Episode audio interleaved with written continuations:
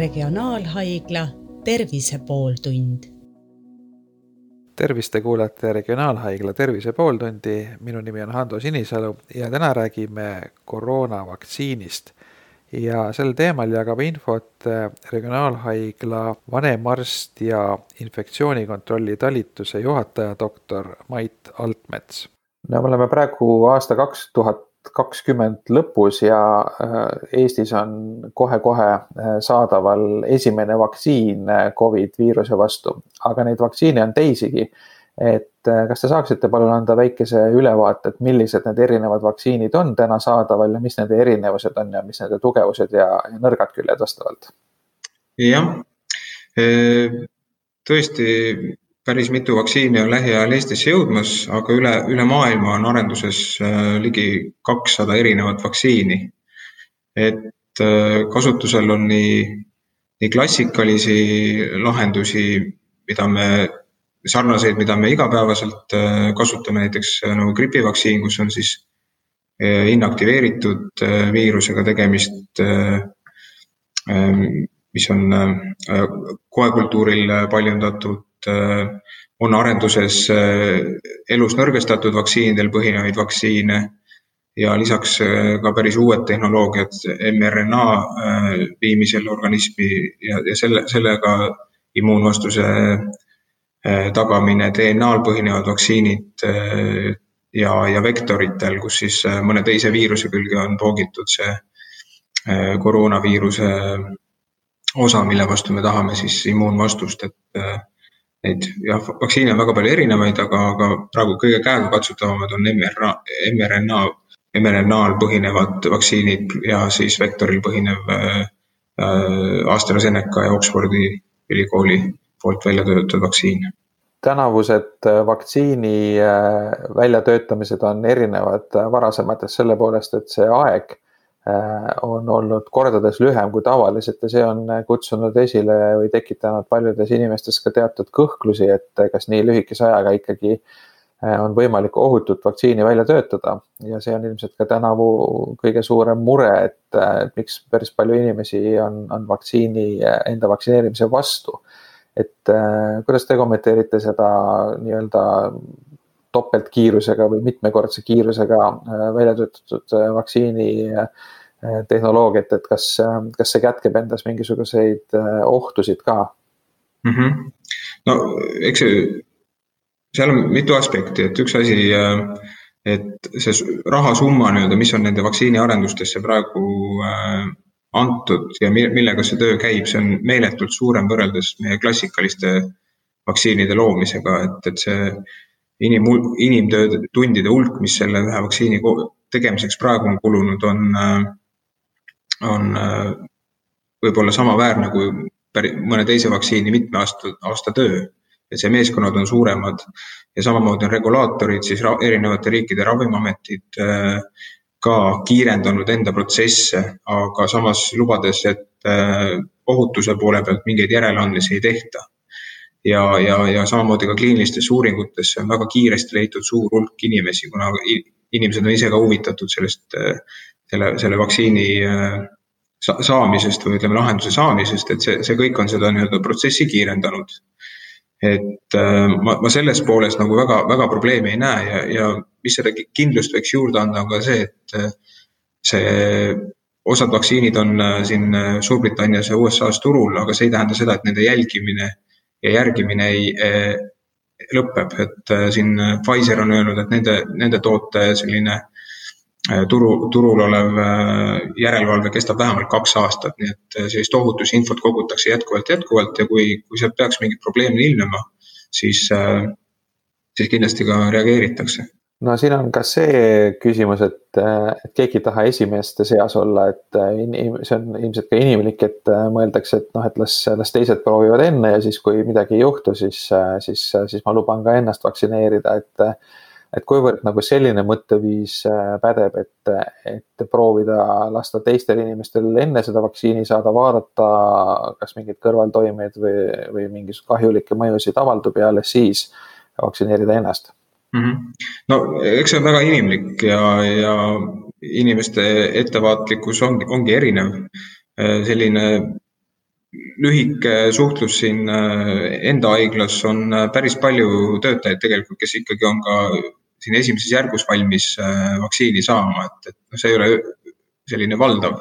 ja nagu siin ka riigi tasandil on uurimusi tehtud, siis tegelikult selline valdav enamus ikkagi on valmis ennast vaktsineerima, võib-olla, võib-olla on see kõhklusi. et äh, samas Suurbritannia, USA kogemus on näidanud, et huvi on päris suur. et äh, tahetakse seda, seda vaktsiini ikkagi saada. et ja kui need esimesed, esmased edukad vaktsineerimised on ka tehtud, siis kindlasti see suutlik, või mitte suutlikkus, aga soovijate hulk kindlasti ka kasvab no Suurbritannias ja USA-s on nüüd äh, nädala jagu või isegi veidi kauem äh, inimesi vaktsineeritud, et kas äh, sealt on ka mingisuguseid selliseid õppetunde juba, et mida, mida meie saaksime rakendada mm? -hmm. no uuringutes, kui me siin räägime kahest sellest mRNA põhi, põhisest vaktsiinist, ühes oli nelikümmend, ligi nelikümmend tuhat inimest uuringugruppides, teises kolmkümmend tuhat, et sealt päris mitmeid õppetundi juba saadi, päriselu kindlasti annab oma, oma infot juurde, et äh, sellised äh, hüperallergilised äh, inimesed, et nendel võib olla siis suurem tõenäosus anafülaksia tekkeks. et see, see on kindlasti, mida, mida enne vaktsineerimist peab inimesega üle arutama, et kas on probleeme olnud ja võib-olla esimeses järgus sellised, sellised inimesed võiks jätta oma vaktsineerimise taha, tahaplaanile, aga mingeid suuremaid tagasilööke, mis mis nüüd selles äh, päriselu äh, kogemuses on, et minu teada ei ole seda vähemalt teada antud, et, et midagi erilist oleks olnud no me rääkisime juba põgusalt allergikutest, aga kas on veel mingisuguseid vastunäidustusi või on mõned elanikkonnarühmad, kellele see vaktsiin äh, esialgu ei sobi või keda, keda pole mõtet vaktsineerida? Need otsused põhinevad eelkõige sellel infol, mis meil olemas on, et äh, vaktsiini on uuritud siis äh, üle kuueteist aasta vanustel ja e, see tähendab seda, et lapsed on kõrvale jäänud ja ei ole seda vaktsiini uuritud ka rasedatel, et need on kindlasti kaks gruppi, keda siis praeguse seisuga ei, ei saaks vaktsineerida.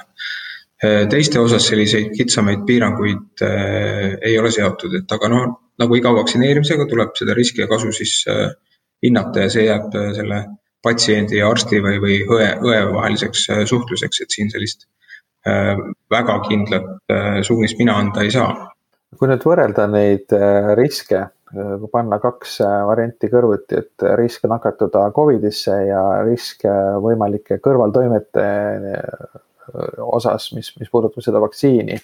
et kuidas kõige mõistlikum seda riskianalüüsi teie arust teha oleks mm? -hmm. no üks asi, et oleks hea teada, mis need vaktsiinide põhilisemad kõrvaltoimed on, et nendel mRNA-l põhinevatel, mida on näidatud, on väsimus, peavalu ja süstekoha valulikkus, et need, on nagu valdav, valdaval osal inimestest ja kui, kui nagu järele mõelda, siis need ei erine sugugi teistest vaktsiinidest ka, mis meil igapäevaselt kasutusel on. Covidi infektsioon, ma ise ei ole seda põdenud õnneks, ei oska nagu ise oma, oma kogemust öelda, aga need inimesed, kellega ma rääkinud olen, kes äh, kurdavad väga tugevat väsimust, mis kestab äh, nädalaid, äh, jõuetust, kõrged palavikud üle kolmekümne üheksa, neljakümneni. ja, ja, ja need ei kesta mitte päevi nagu vaktsiinide kõrvaltoimed, vaid ikkagi võib ka nädalaid kesta, et ütleme, see vaktsiini kõrvaltoime ja, ja raske haigusjuhu võrdlus, et see, seal ma arvan, et igaüks oskab selle järelduse juba teha, et kumb nagu lihtsam taluda aga siin on just äh, nagu nooremad inimesed avaldanud arvamust, et, äh, et kuna noh, nooremate inimeste, tervemate inimeste seas Covidi äh, sümptomid on üldjuhul kergemad, et, et nende puhul võib-olla see hirm vaktsiini suhtes on suurem, et nad mõtlevadki niimoodi, et okei okay,, et, et kui ma olen siin mingi kahekümne viie, kolmekümne aastane, et siis noh, tõenäoliselt põen Covidi suhteliselt kergemini läbi ja ei hakka selle vaktsiiniga riskima, samas kui võib-olla eakamatel inimestel on, on oht nagu Covidit väga raskelt põdeda ja samal ajal võib-olla seda vaktsiini kõrvaltoimet nii ei, ei, ei, ei, ei, ei kardeta, et, et sellest nagu mõttekäigust võib, võib järeldada seda, et eakamaid inimesi oleks mõistlikum vaktsineerida enne ja neil oleks nagu suurem põhjus vaktsineerida kui, kui noortel ja, ja tervematel jah, Ehm, mõned, mõnes mõttes on see õige, õige järeldus, et eh, eelkõige haiglasse kipuvadki sattuma vanemaealised, seal üle kuuekümne aastased. Et nende, nende vaktsineerimine võiks tõesti olla üks eh, esmane, esmane valik eh, tervishoiutöötajate ja võib-olla eesliini töötajate järel. aga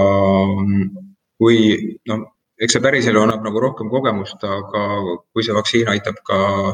haiguse ülekandumist äh, vähendada, siis tegelikult põhiline haigestumine toimub nooremates eas, et siis selles aspektis võiks olla ka nooremate vaktsineerimine igal juhul mõistlik ja vajalik. aga, aga no ma arvan, et esialgu, kui meil vaktsiini on, on vähe nii-öelda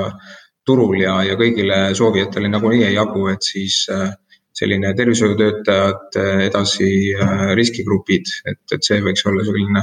mõistlik tee nagu ja seda on ka riik oma vaktsineerimisplaanis ette näinud kui, kui pikk selle vaktsiini mõju on, et kas, kas piisab sellest kahe, kahe, kahesest seeriast ja, ja siis on tagatud immuunsus või, või peab mõne aja pärast uuesti vaktsineerima siis eeldusel, et see Covidi viirus püsima jääb? ja vot sellele mina vastata ei oska praegu hetkel, ilmselt ei oska seda ka päris täpselt keegi, keegi vastata. et me ei tea, mis on selle haiguse enda läbipõdemise järgselt kaug, kaug selline immuunsus, et kas see tagab kaitse ja kui pikaks ajaks. et uurimused on näidanud, et pooleks aastaks võiks olla arvatav, et äh, uuesti nakatumine on vähetõenäoline. Äh, vaktsiini koha pealt ilmselt, äh, mida rohkem inimesi seda saab ja mida kauem, kauem meil kogemust on, seda, seda täpsemaid vastuseid saame anda. et eel, eeldatavalt võiks, võiks see vaktsineerimine tähendada seda, et et inimene, kes on vaktsiini saanud, ei pea vähemalt jääma karantiini, kui ta on kokku puutunud aga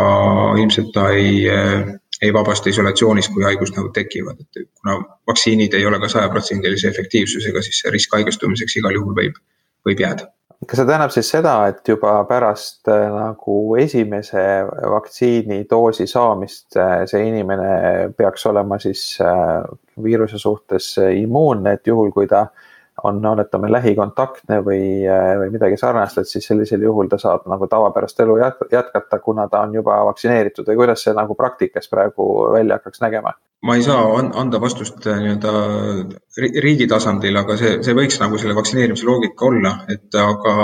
täisvaktsineerimisest me räägime ikkagi kahe doosi äh, tegemisel järgselt, nii et äh, ilmselt see ühe doosi tegemine ei, veel seda, seda kindlust ei anna, aga noh, kuna me ei ole veel Eestis alustanudki vaktsineerimisega, siis on ka selliseid äh, väga kindlaid lubadusi äh, raske anda. aga, aga ajagraafiku mõttes noh, kui me räägime sellisest tõenäolisest stsenaariumist, äh, siis see tähendab seda, et nüüd veel selle aasta lõpus esimesed Eesti inimesed, kelleks tõenäoliselt on siis eesliini meditsiinitöötajad, saavad esimese doosi. siis kui, kui palju aja pärast see teine doos järgneb? konkreetselt Pfizeri vaktsiinil on kakskümmend üks päeva peaks olema selle kahe, kahe doosi vahe. ja eeldatavasti, kui, kui kõik läheb plaanipäraselt, transpordiga mingit probleemi ei ole, siis peaks kakskümmend seitse detsember olema siis need esimesed vaktsiinidoosid tehtud. nii et siis eh, need teised doosid saavad tehtud kusagil jaanuari eh, teises pooles ja siis eh, jaanuari lõpuks peaks meil olema juba mingi hulk inimesi, kellel on kaitse Covidi suhtes ja kes põhimõtteliselt võiks, võivad siis kokku puutuda äh, nakatunutega ja pärast seda kokkupuudet ei pea enam jääma äh, isolatsiooni, on see nii? see on jah üks võimalik stsenaarium, aga ütleme, see on äh, nii erialainimeste kui ka Terviseameti vahel veel sellist lõplikku konsensust ei ole, aga meil on arutelud sel teemal käimas, et mis see mõistlik, mõistlik praktika oleks aga me oleme praegu mõne nädala siis USA-st ja Ühendkuningriigist taga nende, nende vaktsiini asjadega, et see tähendab seda, et me saame tegelikult hakata ka vaatama, mis toimub nendes riikides ja õppida nende kogemustest. ja loomulikult. kui nüüd need esimesed doosid kohale jõuavad, siis kuidas see, see järjekord on, et, et ma sain aru, et esialgu selles esimeses selle aasta jooksul laekuvas partiis on umbes neli tuhat doosi. et, et et kes need inimesed siis on, kes esimesena vaktsineeritud saavad, et kuidas ka näiteks PERHis äh, töötajate hulgas see asi jaguneb, et, et kellele seda esimesena süstitakse? Äh, no plaani järgi on ikkagi need inimesed äh, esmases järjekorras, kes otseselt Covid patsientidega töötavad, need on meie Covid osakondade töötajad, intensiivraviosakondade töötajad, EMO ja kiirabitöötajad, et need on, need omad on kindlasti esimeses järjekorras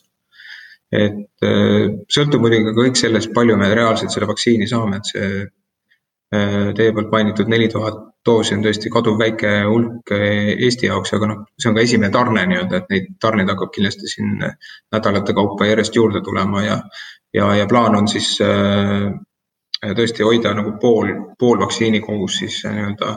laos, et ei et tekiks olukorda, kus teine doos jääks tegemata, et ei alustata suurema hulgaga, kui äh, reaalselt nagu vaktsiiniga äh, olemas nii-öelda laos on aga milline on praegune plaan selles osas, et kui nüüd äh, näiteks ka tervishoiutöötajate seas äh, on inimesi, kes ei, ei, ei keelduvad sellest vaktsiinist, et kas see tähendab siis seda, et, et nemad ei saa seda eesliinitööd enam teha või, või kuidas selles osas plaan on? sellist, äh, sellist vabadust see vaktsiin, vaktsineerimine nüüd ei anna kindlasti, et me isikukaitsevahendite kasutamisest loobuda saaksime, et isikukaitsevahendid peab igal juhul kasutama ja, ja need on nagu A ja O Covid patsientidega tegelemisel ja mainisin ka, et vaktsiin ei ole sajaprotsendilise efektiivsusega, et risk haigestumiseks kindlasti jääb ja, ja see võimalus on olemas. et äh, kindlasti see ei takista töö tegemist, pigem annab see lihtsalt äh, vaktsineeritud inimestele sellise lisa, lisakindluse, et, et mul ei teki haigestumist. Need noh, mõnes mõttes võib siis seda vaktsiini võrrelda, et see on nagu lisaks maskile ja visiirile, kaitseülikonnale kinnastele siis veel, veel üks nii-öelda abi, abistav vahend selle viiruse vastu võitlemisel. see ei ole nagu ainus ega, ega see, see nagu lõplik. Just. Ja terv-, ega tervikuna ka ütleme haigla kontekstis ja ka elanikkonna kontekstis, et ega see vaktsiin ei ole selles mõttes imeravim, me küll kõik äh, ootame seda, aga, aga ta ei, ei lahenda selles mõttes ära meie seda sotsiaalse distantseerumise äh, või sotsiaalse distantsi hoidmise, maski kandmise probleeme, et äh, meil peab olema enne, enne ikkagi piisav hulk inimesi vaktsineeritud ja me peame ka teadma, et see vaktsineerimine aitab äh, ülekannet ka vähendada või, või seda vältida ma saan aru, et see loogika praegu vaktsineerimise osas on selline, et, et kõigepealt vaktsineerida tervishoiutöötajad selleks, et, et tagada siis haiglasüsteemi suutlikkus nii-öelda massilise pandeemiaga toime tulla. ja siis seejärel tasapisi liigutakse sinna elanikkonna vaktsineerimise suunas ja, ja noh, tõenäoliselt kusagil kusagil suveks äh, võiks olla käes selline olukord, kus, kus vähemalt soovijad on, on saanud äh, endale selle doosi kätte, kes, kes tahavad tõesti ja kui kõik läheb nii, nagu praegu nagu positiivsetes stsenaariumides on, aga, aga palju on räägitud ka sellest äh, nii-öelda sellest karjaimmuunsusest või massiimmuunsusest, et, et, kui suur hulk elanikkonda peaks olema siis vaktsineeritud, et, et võiks loota seda, et see viirus nii-öelda otsustab inimkonnaga võitlemise lõpetada no eks ta reeglina kipub sinna seitsmekümne viie, kaheksakümne protsendi juurde jääma, et, et, et siis on, siis on valdav osa inimestel immuunsus äh, olemas ja, ja viiruse ülekandumise võimalus on, on palju väiksem, et, et see on kogemus meie teiste vaktsiinidega, et äh, kus, kus Eestis on õnneks väga, väga hea seis, et äh,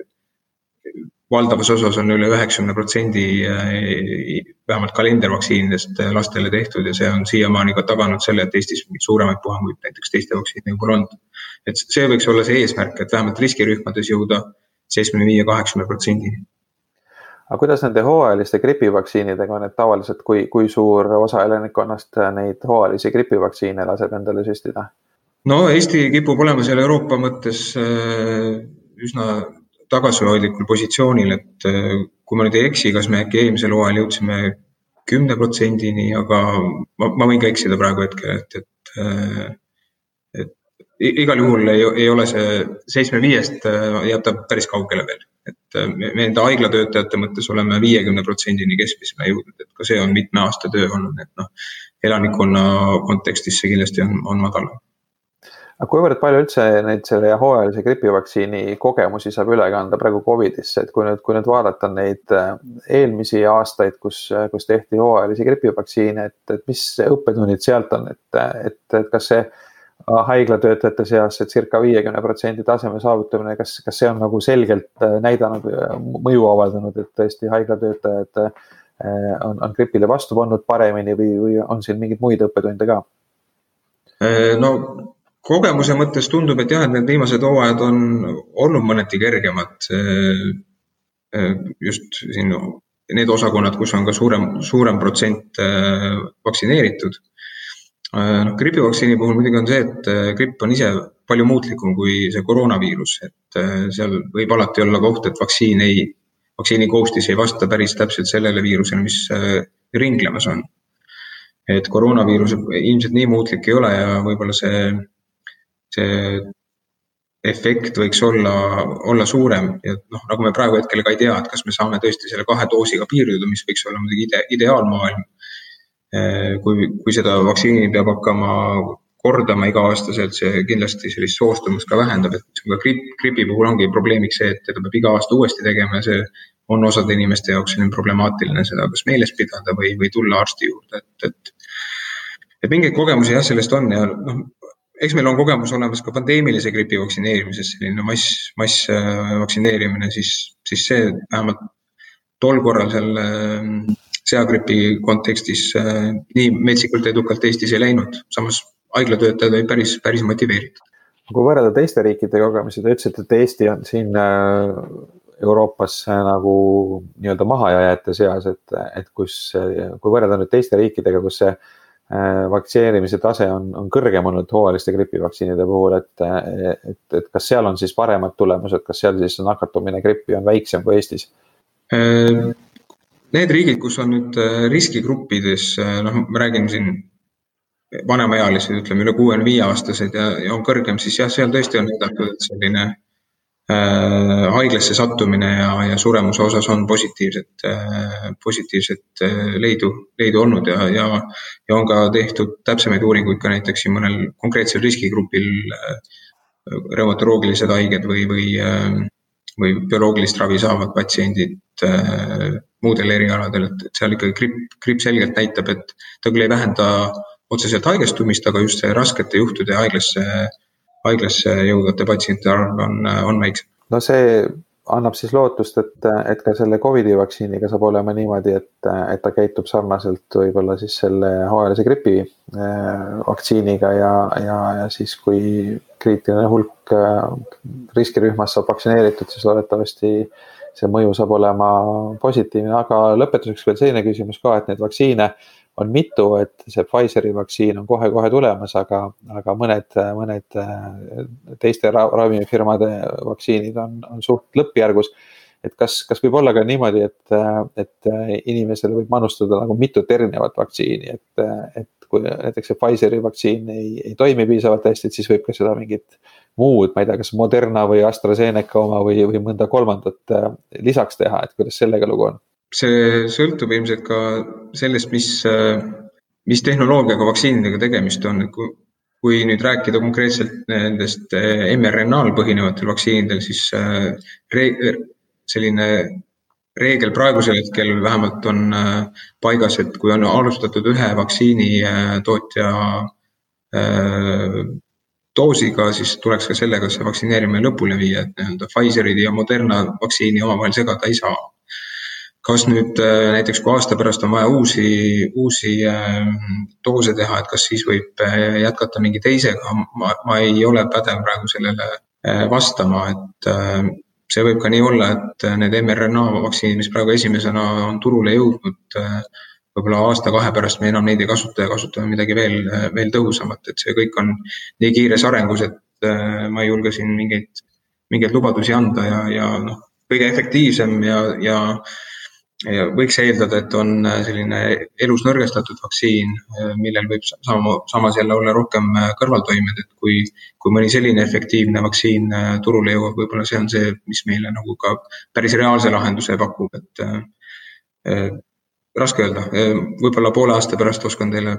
paremini vastata mis need Hiina ja Vene vaktsiinid on näidanud meile, et nendest äh, nagu räägitakse pigem sellises kergelt iroonilises võtmes, et need ei ole nagu päris, päris õiged või korralikud, aga aga ometi neid on juba mõnda aega kasutatud, et kas sealt on ka mingisuguseid esmaseid õppetunde või kogemusi? no eks seal probleem pigem ei ole mitte selles, et vaktsiin ei, ei tööta, vaid lihtsalt need andmeid ei ole piisavalt äh, jagatud, et Äh, teist, teiste nii-öelda regulaatoritega siin Euroopa ja USA omadega, et äh, et äh, Hiina vaktsiini kohta ma tean, et see on Ühend, Ühendemiraatides näiteks ka kasutusele võetud. ja Vene vaktsiini osas ma tean, et AstraZenecal või Oxfordi ülikoolil on ka mingi koostöö nende kahe Sputniku ja enda vaktsiini edasiarenduseks, et ilmselt, ilmselt see koostöö nii-öelda annab meile paremaid tulemusi ja, ja, ja ja, ja kui ka need andmed avalikuks saavad, et me saame ka rohkem, rohkem selle kohta teada, et, et kindlasti ei saa öelda, et nad ei toimi ja öelda, et nendest mingit, mingit abi ei ole. pigem on, noh, kui me mõtleme, et kui me tahame sellest viirusest jagu saada, me peaksime tervet globaalset maailma vaktsineerima, siis võib-olla need on need kohad, kus me saame ka arengumaadele piisavas koguses vaktsiini, et noh, kui, kui skeemi järgi mõelda, et meil on vaja kaks doosi teha igale inimesele, siis meil oleks lihtsalt äh, kuskil kuusteist miljardit äh, vaktsiinidoosi vaja, aga, aga neid, neid praegu hetkel kohe turul ei ole ja valdav enamus läheb praegu USA ja Euroopa turul ära. aga sellega me seda pandeemiat kahjuks ei lõpeta. aga aitäh, doktor Mait Altmets äh, meiega seda põnevat infot jagamast.